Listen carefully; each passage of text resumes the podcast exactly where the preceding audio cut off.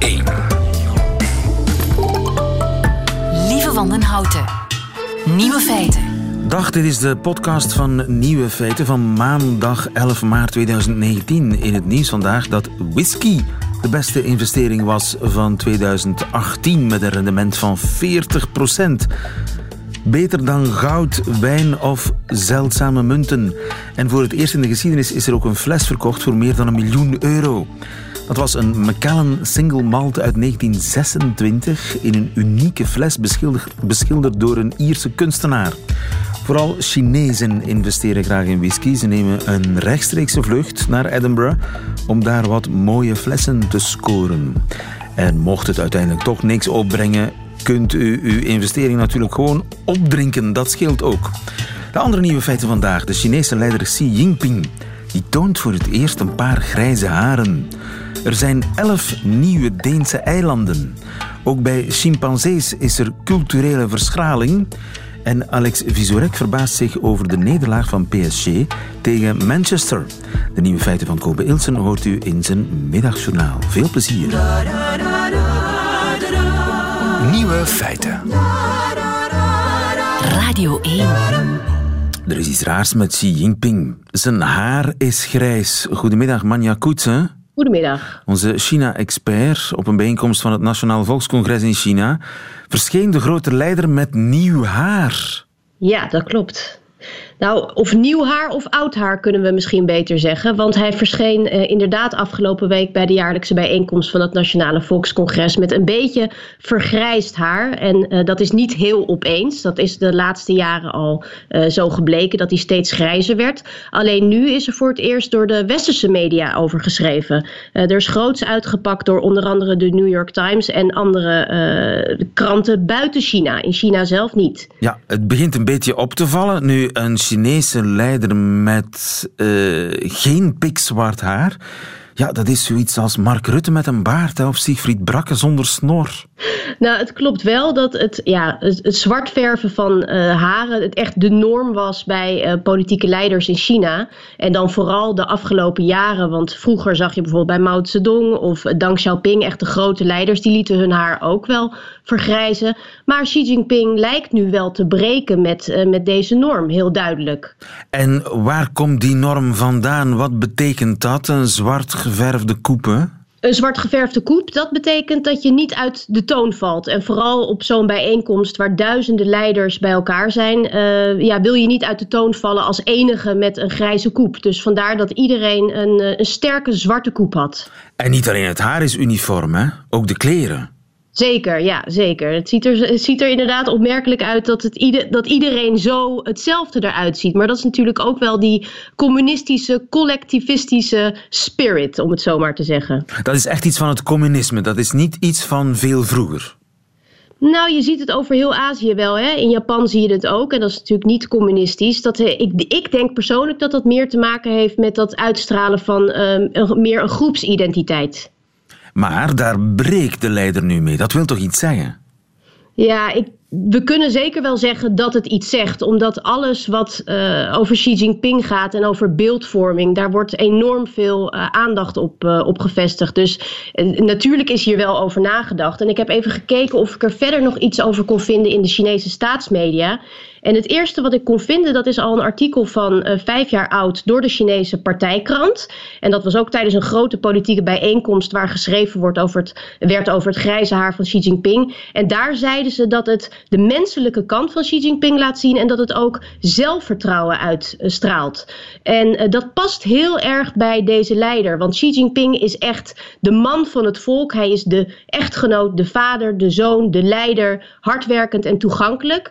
En daarbij past ook uh, dat grijze haar. Uh, hij staat heel dicht bij de mensen. Hij wil zich als mens laten zien. Vandaar dat hij de zwarte haarverf even in de kast laat staan. Ja, en je kan ook zien, dit keer bij die uh, partijbijeenkomst, dat het sowieso niet materialistisch is. Normaal, in voorgaande jaren zag je wel vaak dat het een groot festijn was met fruit en bloemen en heel veel eten en drank. En dat is ook iets wat door Xi Jinping is teruggeschroefd. Die wil dat het enorm, ja, die heeft het enorm versoberd en mensen moeten nu ook hun eigen schoenen poetsen. Dat was voorheen ook niet zo. Dus dit past er natuurlijk ook bij. Hè? Hij straalt uit van het gaat niet om materialisme, we zijn niet oppervlakkig. Uh, de, de toekomst van China draait om, om kennis en, uh, en om bescheidenheid ook. Dus hij is totaal niet ijdel. En hij heeft zelfs zijn schoenen gepoetst. nou ja, dat durf ik niet te zeggen, maar ik weet wel dat er een hoekje is voor de andere partijleden in het hotel waar ze hun eigen schoenen kunnen poetsen. En dat wil ook iets zeggen. Dankjewel, Manja Koetsen. Goedemiddag. Graag gedaan. Nieuwe feiten. Coucou de France. Met Alex Visorek. Hij krijgt een koekoe van mij terug. Dag Alex, goedemiddag. Dag lieven, deze week zullen we over Le Sum spreken. Le Sum, wat is dat nu weer? Wel, om dat uit te leggen moet ik een beetje in het verleden teruggaan, meer bepaald naar 10 juli 2018. Het is gedaan, het avontuur eindigt hier, de Fransen gaan naar de finale. France-Belgique, slechte momenten voor ons allemaal. We wisten toch dat wij de beste waren en daarom lachten de Fransen. Les Belges ont le seum. Avoir le seum, dat betekent in jongerentaal heel gefrustreerd zijn. Voor een tijdje gebruikten ze zelf op Twitter een Belgische vlag in plaats van het woord seum te schrijven. Maar le seum is niet meer alleen van ons. Et on va commencer par l'événement, si on peut dire, ou même la catastrophe de la soirée. Jean-Sébastien Fernandez, bonsoir. Les Parisiens viennent d'être éliminés de la Ligue des Champions. Il n'y aura pas de quart de finale. C'est terminé pour les Parisiens. On remballe, mais c'était pas du tout le scénario prévu. Ja, oeh la la. De PSG. Le Paris Saint-Germain is in achtste finalen uit de Champions League weer uitgeschakeld. Maar dat uh, stond dus kennelijk niet in het scenario. Helemaal niet. Dat was een terugwedstrijd en de week ervoor had PSG met 0-2 gewonnen in Manchester. Dat betekent dat Manchester United drie goals moest scoren om zich te kwalificeren in Parijs. Onwaarschijnlijk, maar de PSG-fans hadden wel al een trauma. Twee jaar geleden hadden ze met 4-0 tegen Barcelona gewonnen en in de terugwedstrijd kwalificeerde Barcelona zich met 6-1. Wij noemen dat een remontada, maar volgens sportspecialist Pierre Ménès was de situatie nu helemaal niet vergelijkbaar. Hij heeft het gezegd voor de wedstrijd. C'est là où tous les blaireaux de France me parlent de remontada. C'est-à-dire que c'est un truc qui date quand même d'il y a deux ans, hein, qui était à Barcelone. Je pense qu'il y a autant de rapports euh, entre ces deux matchs euh, qu'entre une carpe et un hameçon. Er is evenveel link tussen die twee wedstrijden als tussen een karper en een vishaak, zegt hij. En les blaireaux, de domkoppen die over een remontada spreken, kennen niks van voetbal. Aha. En dus na de match. et nous revivons une deuxième euh, remontada. Alors je sais pas si vous, mais nous euh, sur le plateau, on est complètement dévastés. Complètement dévasté, de remontada is weer gebeurd. En weet je waarom veel mensen toch heel blij zijn? Omdat de Parisianen zo arrogant kunnen zijn. Ik bedoel, de Fransen worden soms als arrogant gezien, maar dat is niks vergeleken met een Parisien. Voor de match was er helemaal geen twijfel. Paris a une telle maîtrise, Paris a une telle supériorité. Il y a une cr- sacrée différence entre le PSG et Manchester. On le voit dans la composition d'équipe. Tuurlijk. Ja, er was inderdaad een groot verschil tussen de twee ploegen en wij kennen dat verschil heel goed. 3 derrière, ça perd. Oh là là là là Attention ce ballon qui va être récupéré par Lukaku, le retour de Thiago Silva et Lukaku qui va marquer Romelu Lukaku, onze rode duivel van Manchester United, heeft twee keer gescoord.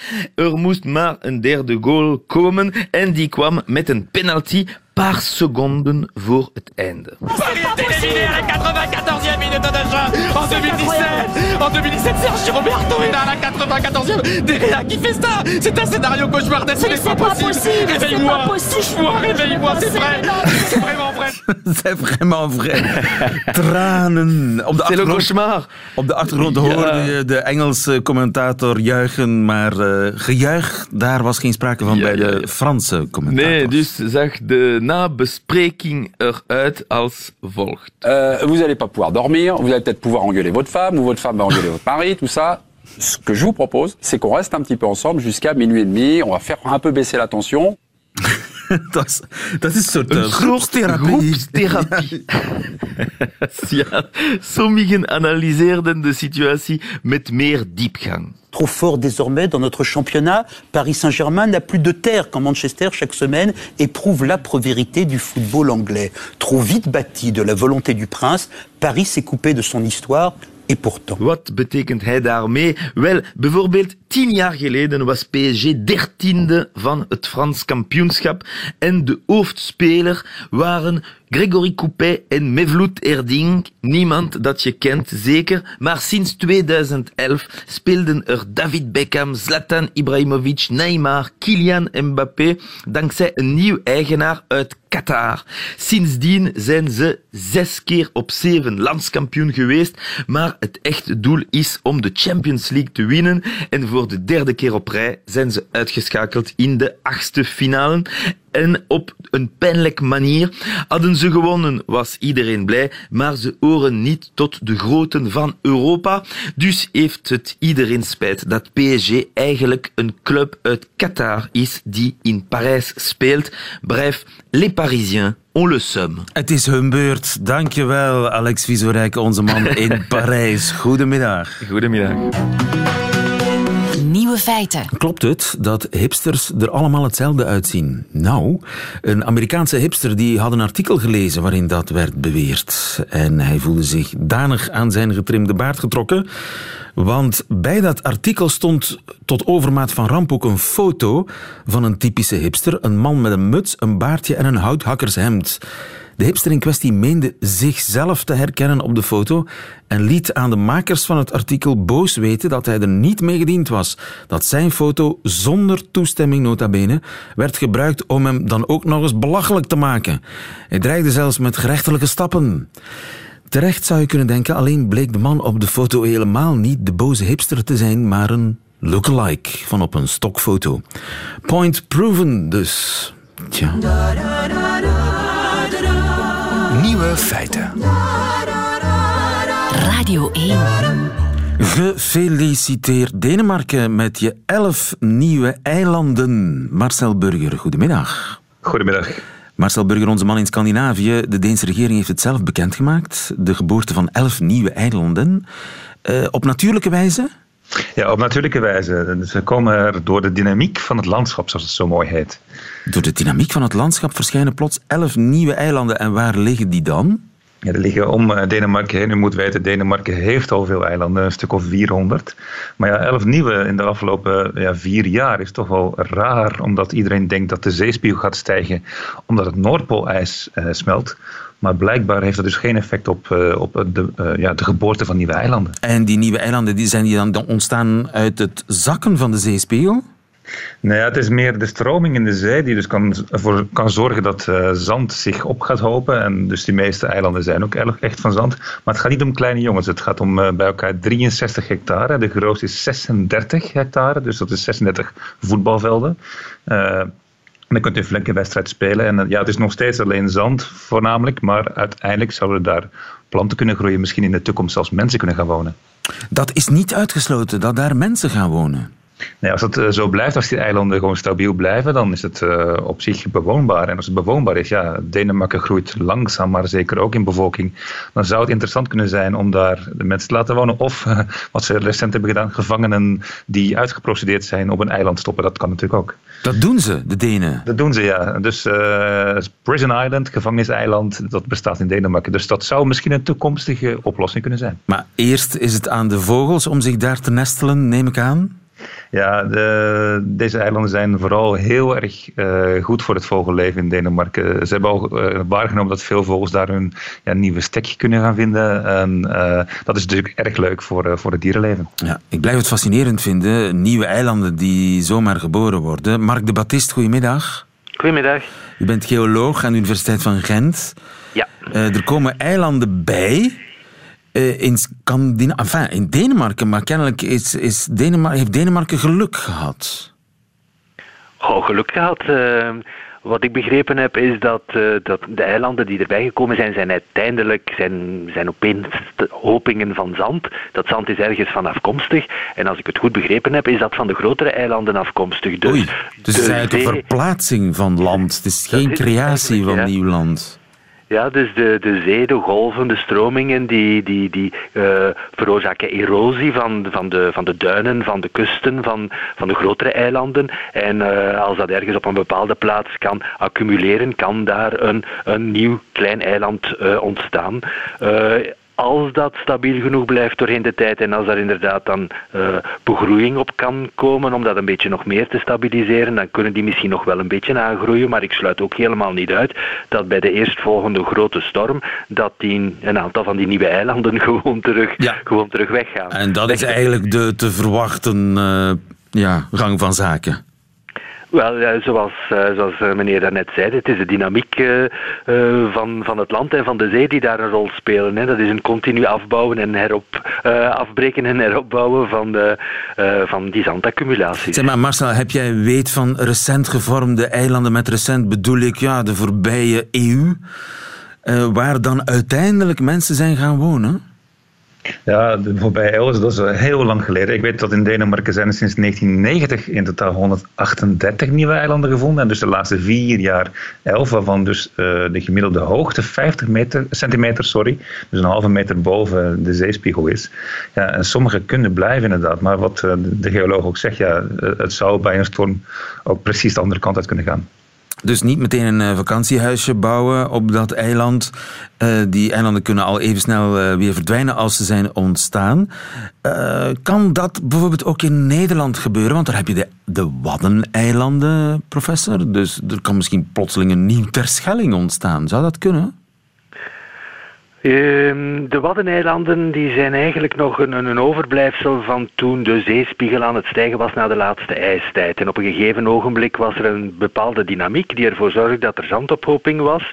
Die zandophoping was voldoende om daar een soort van barrière te creëren. En die barrière die, die werd dan gestabiliseerd door, uh, door, uh, door, door plantengroei die erop kwam. Daar konden dan uh, zandduinen op afgezet worden die door de wind werden afgezet. En op die manier werden die systemen groot genoeg om lange tijd te overleven. Zelfs bij veranderende stromingen, zelfs bij stormen en zelfs bij zeespiegelstijging.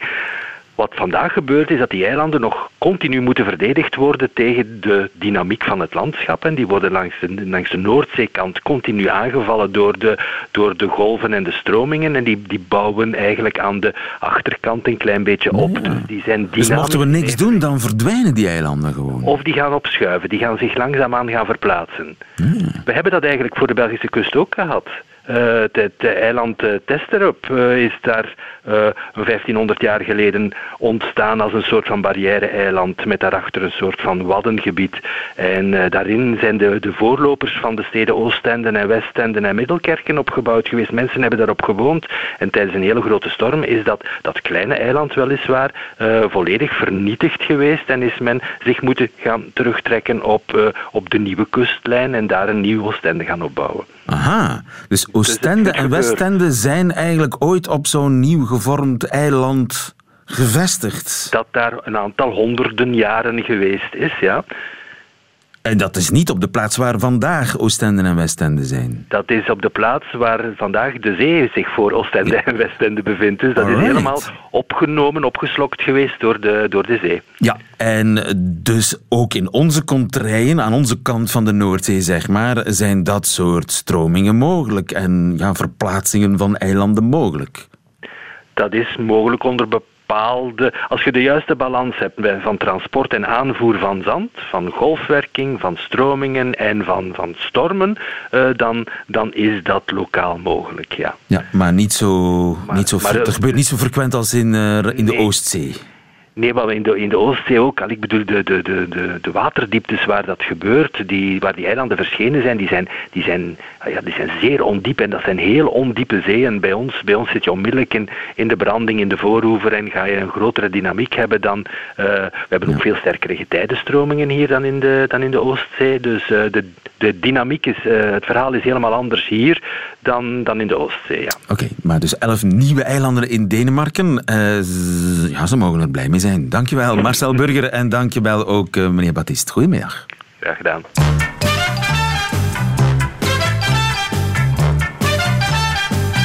Nieuwe feiten. Lokale culturen die staan onder druk, dat weet u. De hele wereld eet McDonald's, drinkt Coca-Cola en zelfs in Rome is er een Starbucks. Culturele verschraling als gevolg van de globalisering.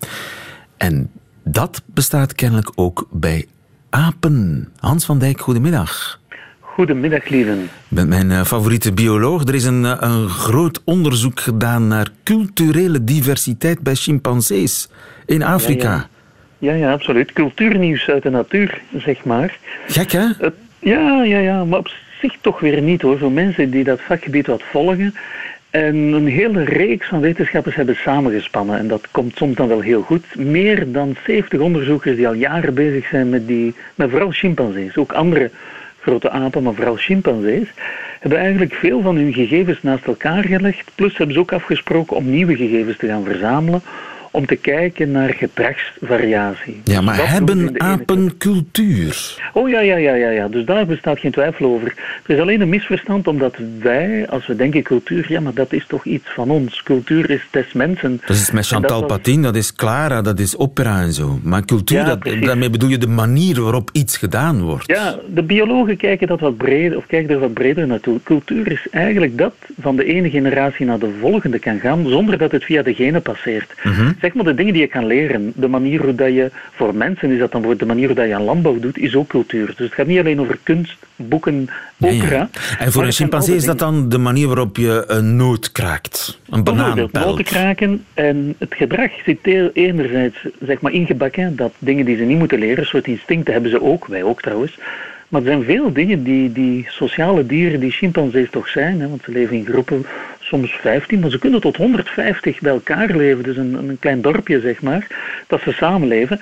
En dan wordt er heel veel geleerd van elkaar. Dus niet alleen ze proberen zelf dingen uit, maar ze gaan goed kijken, zeg maar, naapen. Hè, wat ze naapen, inderdaad. Voilà, het komt er het komt er vandaan. Plus dat ze soms ook instructies krijgen. Dat bijvoorbeeld een moederaap voordoet met een steen. Kijk, zo kleintje, blijf bij de les. Ik klop op die noot en zo raak je aan die harde noot.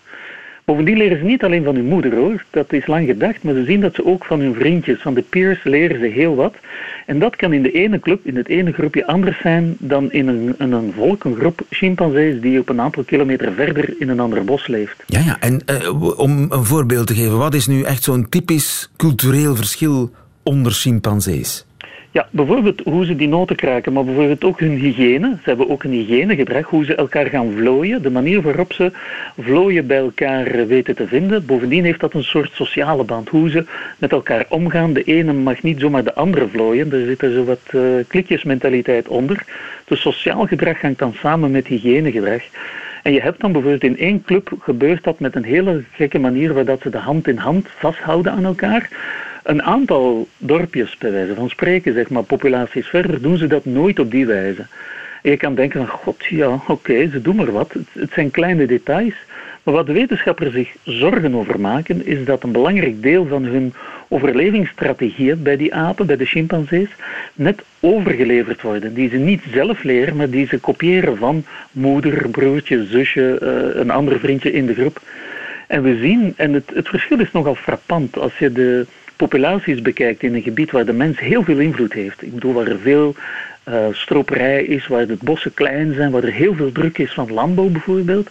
Als je die populaties van chimpansees vergelijkt met degene die in een groot ongestoord bos zitten, dan zie je dat tot 88% minder van die culturele gedragingen naar boven komen. Dus het voorkomen blijkt het verschralingseffect van wat de mens indirect heeft op de cultuur en de culturele overdracht van hun gedrag, is toch wel heel erg opmerkelijk. Maar zou je dan kunnen zeggen dat er net als bij de mens sprake is van een soort uh, verarming? Iedereen doet het op dezelfde manier?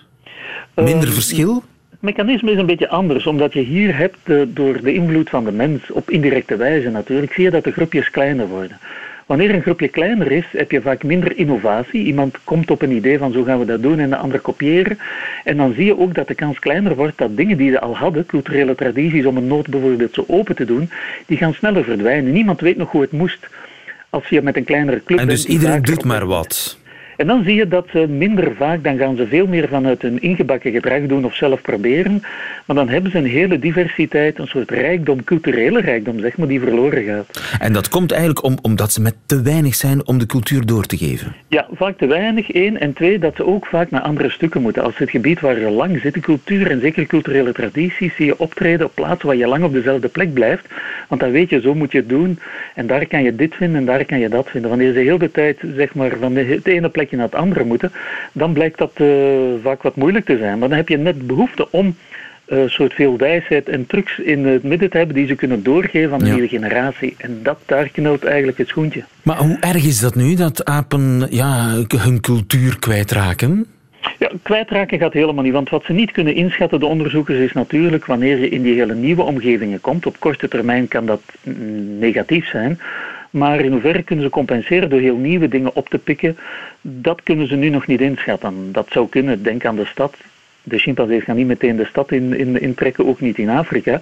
Maar je ziet een aantal andere dieren wel uh, heel creatief zijn in door de mens beïnvloede omgevingen. Maar men heeft hier toch de, de bezorgdheid van de wetenschappers is, en ze komen met een soort origineel idee wel af. Ze vinden dat we ook in natuurbehoud, dus voor chimpansees, toch wat vaker moeten denken aan cultureel erfgoed en sites die belangrijke culturele tradities hebben. En zo hadden we in het natuurbehoud nog niet echt gekeken naar de culturele tradities van de dieren zelf. En dat is toch wel een nieuwe insteek die ze daar geven. En dat is inderdaad belangrijk. Eén, omdat we daar heel wat, het zijn onze nauwste levende uh, kozijns, nichten, nichten en neven, zeg maar, die, ja. die chimpansees.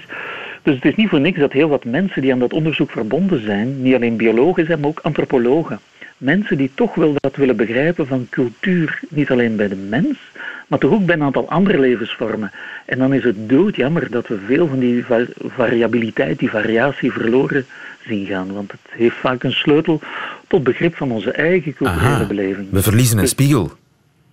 In zekere zin wel. Dat is een van de redenen. Uiteraard is het ook belangrijk. Het heeft ook een intrinsieke waarde. Want naast genetische diversiteit en populatiediversiteit blijkt je dus toch ook bij heel wat wilde dieren een culturele diversiteit ja. hebben die voor hen heel belangrijk is en wellicht ook voor ons om er wat beter naar te kijken of er wat meer van te begrijpen. Ja, misschien moet er een apart hoofdstuk uh, worden toegevoegd aan de UNESCO Werelderfgoedlijst. Namelijk, hè, naast Aalst Carnaval kan misschien ook de chimpansee-cultuur van uh, West-Afrika staan. Dankjewel, Hans van Dijk. Goedemiddag. Nieuwe feiten. Een nieuw feit dat ik u niet wil onthouden. Een uh, 25-jarige man uit de Amerikaanse staat Pennsylvania die is opgepakt omdat hij de keel van de bestuurder van een minibusje zo hard had dichtgeknepen dat hij bijna het bewustzijn had verloren. Toen de politie ter plaatse kwam, gaf Clayton, zo heet die man, Lucas Clayton, de feiten toe.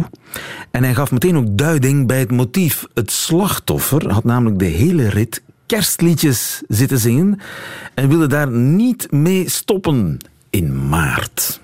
En daarmee zijn we helemaal klaar voor het middagjournaal van Nieuwe Feiten. Uh, iemand vertelt over zijn eigen dag en zijn heel persoonlijke nieuws. En uh, deze week is het middagjournaal in handen van Kobe Ilsen. Nieuwe Feiten. Middagjournaal. A Boy Named Sue van Johnny Cash. Topnummer. Kort samengevat is het een lied over een jongen die van zijn vader een meisjesnaam kreeg. Sue. A Boy Named Sue. Hij is daarvoor stevig op zijn pik getrapt en heeft weinig begrip voor de naamkeuze van zijn afwezige vader.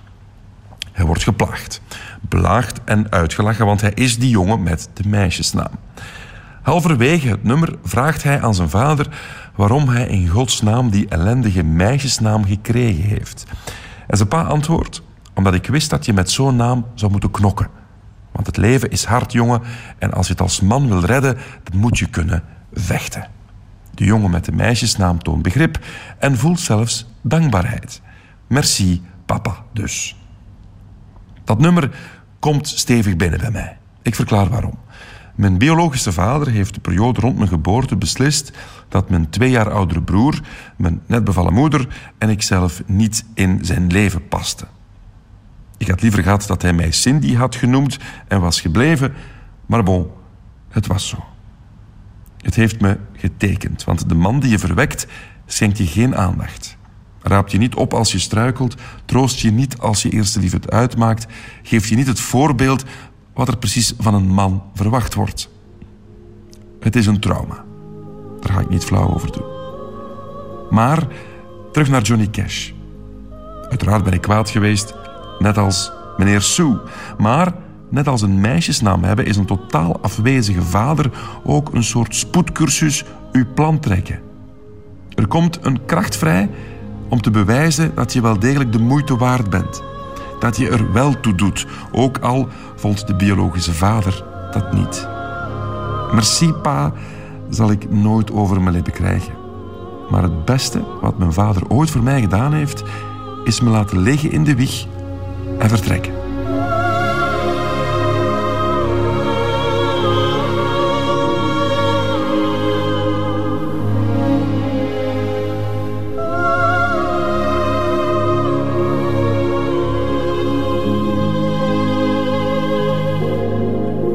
Kobe Ilsen in het middagjournaal. Einde van deze podcast. Maar u vindt er nog veel meer op radio1.be.